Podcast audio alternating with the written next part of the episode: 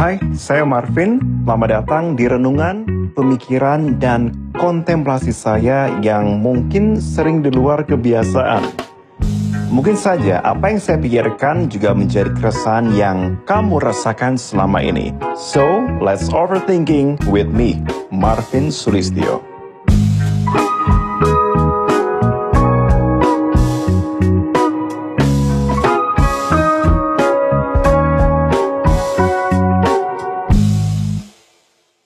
Welcome back to Overthinking with Marvin. Kali ini episodenya akan gue bacakan satu quotes, lebih ke penjelasan sih, untuk mengawali sesi kita kali ini.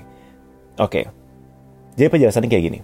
Yang pertama, ketika antisipasi itu belum mencakupi penyesalan, mantap membuat pilihan, tidak berpikir dua kali dan bisa move on, artinya kita belum dalam tahap belajar dari penyesalan atau regret. Berat kan? Tapi itu yang gue pikirkan beberapa hari terakhir belakangan. Dan itu pula yang akan gue bahas dalam sesi kali ini berdasarkan buku dari Daniel Pink. The Power of Regret, How Looking Backward Moves Us Forward gimana kita melihat ke belakang untuk bergerak maju ke depan. Nah, buku ini memang nggak sengaja terlintas di pikiran waktu dulu. Tapi kemudian setelah akhirnya gue mendapatkan kesempatan untuk bisa sharing dalam sebuah sesi, akhirnya gue memutuskan untuk membaca buku ini. Dan memang sangat powerful ketika kita bicara soal penyesalan atau regret. Kata-kata yang sering kita dengarkan, menyesal, penyesalan, sesal, kedengarannya seperti simple gitu. Kayak yang ya udah sering kita dengarkan dan sering kita ucapkan, bahkan tanpa mikir. Tapi sebenarnya adalah satu hal yang sangat kuat. It's very powerful. Kalau kita benar-benar bisa belajar dari penyesalan itu. Maka sesi ini gue akan bicara mengenai penyesalan atau regret. Kenapa sih kita regret? Kenapa kita butuh untuk regret? Nah, memang pengertian dari regret, penyesalan ini macam-macam. Ada yang bilang gak usah dipikir lah, percuma. Penyesalan datangnya belakangan, udah gak usah dipikir lagi. Kalau gue pribadi, gue akan pikir lagi. Kenapa gue bisa regret keputusan ini? Dan gimana gue bisa belajar dari regret atau penyesalan ini supaya gue bisa menjadikan ini sebagai amunisi untuk antisipasi gue ke depannya. Agar ketika gue menemukan situasi serupa, pilihan serupa, gue tidak terjerumus di jurang yang sama atau bahkan lebih dalam. Oke, kurang lebih ini adalah rangkuman dari buku The Power of Regret. Beberapa pointers-pointers yang tentunya akan membantu teman-teman. Tapi kalau misalkan memang pengen lebih uh, lengkap membaca atau mengerti mengenai The Power of Regret, kalian sok atau bisa baca buku Daniel H. Pink, The Power of Regret, How Looking Backward Moves Us Forward. Oke, jadi yang pertama, pengertian dulu mengenai regret, teman-teman. Sebenarnya penyesalan itu hal yang universal ya, yang biasa terjadi di mana pun, kapan pun. Semua orang pernah merasakan itu. Bahkan dari skala yang sangat besar sampai yang terkecil kayak, ah coba tadi gue makan di sebelah pas lagi ada diskon. Ada penyesalan dengan skala yang bermacam-macam atau ukuran bermacam-macam. Tapi penyesalan ini sendiri juga bisa dikatakan sebagai bentuk amunisi kita untuk menentukan tindakan kita selanjutnya. Misalkan kayak tadi itu contoh hal kecilnya, aduh coba gue makan di sebelah ada promo gue pakai misalkan apa GoPay or OVO, gue pasti bisa dapat cashback gede 100% gitu ya. Nah, berarti pelajaran ke depannya ketika kita udah tahu seperti itu, sebelum kita beli tempat makan, kita pastikan dulu ada promo apa di sana.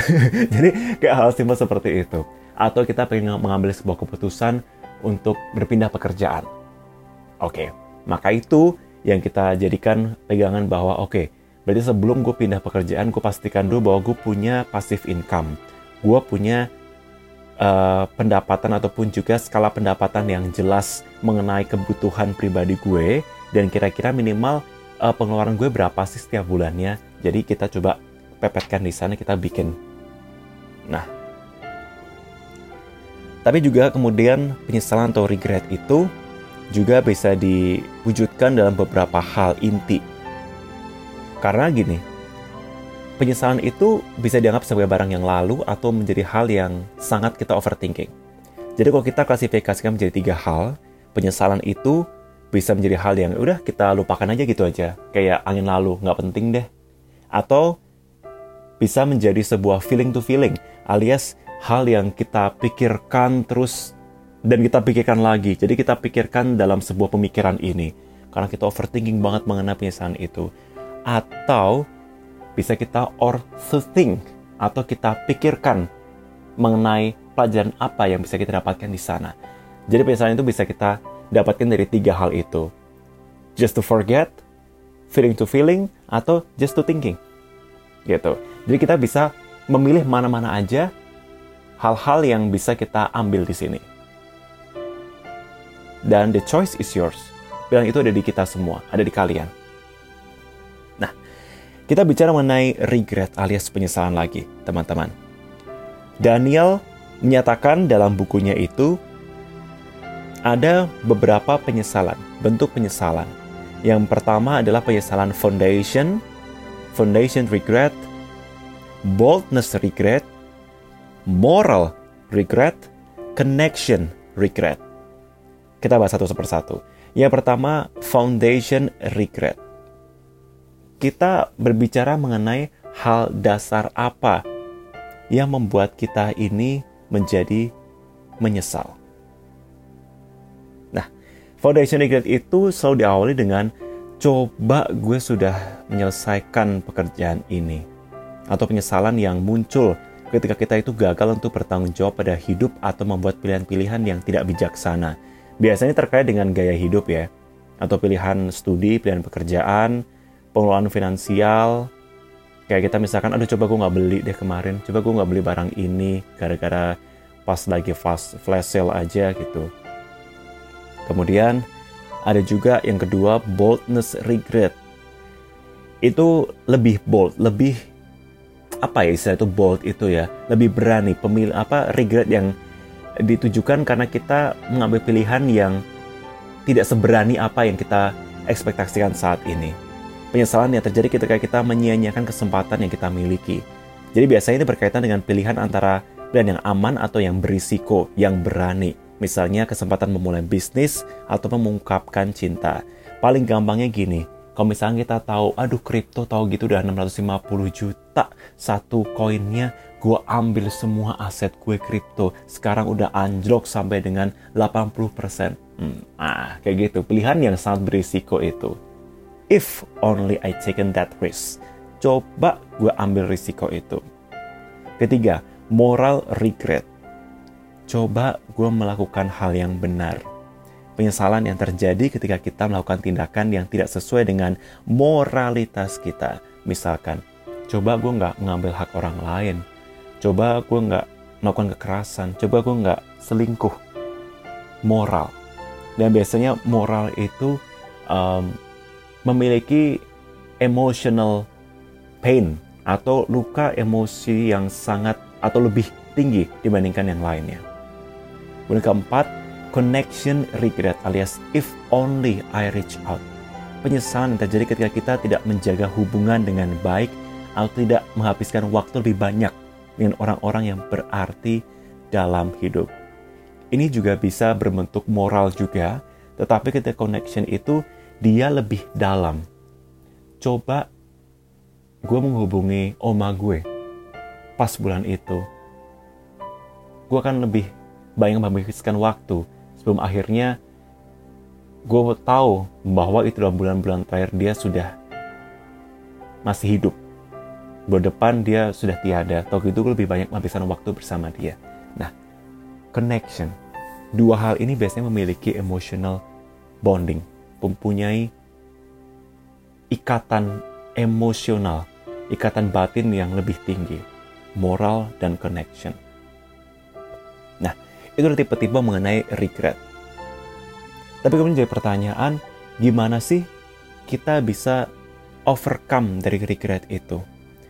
Ada yang memang langsung yang disebut dengan action regret atau kita seperti minta maaf langsung, kita mencoba untuk repair.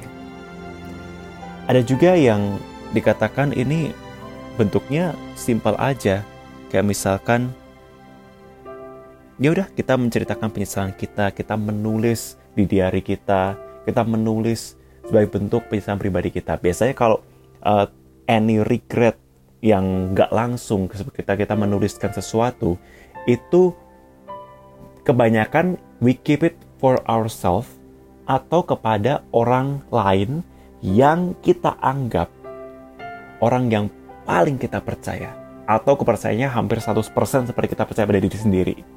Tapi pertanyaannya kita udah percaya sama diri kita sendiri belum? Kalau kita belum percaya diri kita sendiri, gimana kita mau percaya sama orang lain? Gitu. Ada juga yang menjadikan ini sebagai bentuk antisipasi agar regret itu tidak terjadi kembali. Itu sama seperti quotes awal yang gue bacakan tadi. Nah, inti dari empat penyesalan, yakni kita make a choice, don't second guess yourself, dan move on.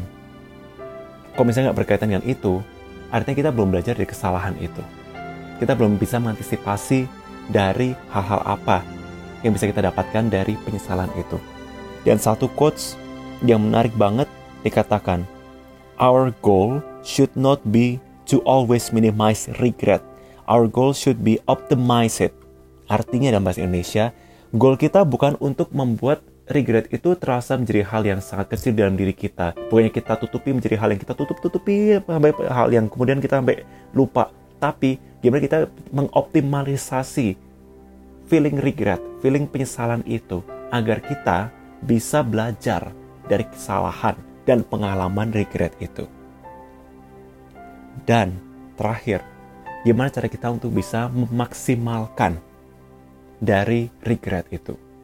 bagaimana kita memaksimalkan langkah yang kita ambil belajar dari pengalaman itu. Kok kita belum mantap untuk mengambil langkah, artinya kita masih berkutat dalam pemikiran kita terhadap penyesalan di masa lalu. Tapi kalau kita sudah tahu, kita sudah mantap bahwa gak akan gue melakukan kesalahan yang sama. Atau gue akan tahu langkah alternatif apa yang gue ambil ketika gue akan menemukan kendala yang sama. Artinya, you pass the test. Kalian sudah bebas di sana dan kalian sudah dewasa dalam menanggapi regret itu. Kalau ditanya pengalaman paling besar apa sih dari Marvin yang paling mengena ketika belajar mengenai regret? Ya pasti pengalaman mengenai pendidikan yang gue ambil dulu. Satu hal yang paling menjadi sebuah luka atau menjadi hal yang diolok-olok oleh banyak orang. Ketika seorang Marvin memutuskan untuk empat tahun menjalani masa SMA alias tidak kelas. Hal yang membuat akhirnya percaya nggak percaya gue dihindari banyak orang. Teman-teman deket yang uh, dulunya gue kira appreciate gue atas otak gue, ternyata ketika mereka melihat dan membaca uh, postingan IGS gue, nggak sedikit loh yang akhirnya memutuskan mundur dan nggak mau ngomong sama gue karena mereka ngomong di belakang dan parahnya ya kok sampai ke gue gitu. Bilang bahwa aduh I can't I can't gue nggak bisa gue temenan sama orang yang akademisnya itu bodoh. Gue tuh punya goal dan gue tuh rasanya kayak nggak nyambung kok ngomong sama orang nggak punya kemampuan akademis sama. Dan sebagainya banyak hal itu. Waktu itu gue sempat ada rasa penyesalan. Coba waktu itu gue belajar lebih keras atau gue nggak senekat itu untuk ya udah gue akan lebih proud untuk mengambil langkah gue come out mengenai pendidikan gue ada banyak seperti itu tapi apa artinya ketika sebuah kejujuran yang ku dapatkan dari sebuah pelajaran regret ini, dan gue berani untuk mengambil langkah ini, gue menemukan teman-teman terbaik gue. Gue menemukan orang-orang yang bisa gue percaya di sini, tanpa ngejudge gue, latar belakang gue. Dan itu lebih berharga dibandingkan masa lalu gue yang gue masih mencoba mengais-ngais teman-teman baru, komunitas-komunitas yang ujung-ujungnya judgment is real. Mereka bukanlah true friend, teman-teman yang benar untuk kita. Tapi mereka ada maksud tertentu. Mereka terbutakan oleh siapa Marvin saat ini. Tapi begitu tahu masa lalu Marvin, mereka mundur. Banyak yang seperti itu. Tapi terima kasih atas pengalaman ini yang akhirnya menjadikan Marvin menjadi lebih menghargai diri sendiri, menghargai siapa teman yang tetap ada, bahkan menghargai kalian semua yang mendengarkan podcast ini, yang kalian masih sangat appreciate, memberikan banyak sekali tanggapan. Itu kalian nggak tahu pada waktu itu gue sendiri sangat terharu loh. Gue seneng banget. Kalian benar-benar kayak memberikan banyak banget komentar-komentar. Ya mungkin gue jawabnya cuma thank you gitu aja. Tapi percaya deh, itu gue gak menemukan kata-kata lain selain gue benar-benar terharu. Dan gue gak bisa sugar coating dengan apa yang akan gue katakan selain thank you banget. Dan itu bentuk apresiasi gue. So teman-teman belajarlah dari penyesalan kita. Jangan jadikan itu angin lalu. Jangan jadikan itu sebuah bencana yang menyelimuti pemikiran kita.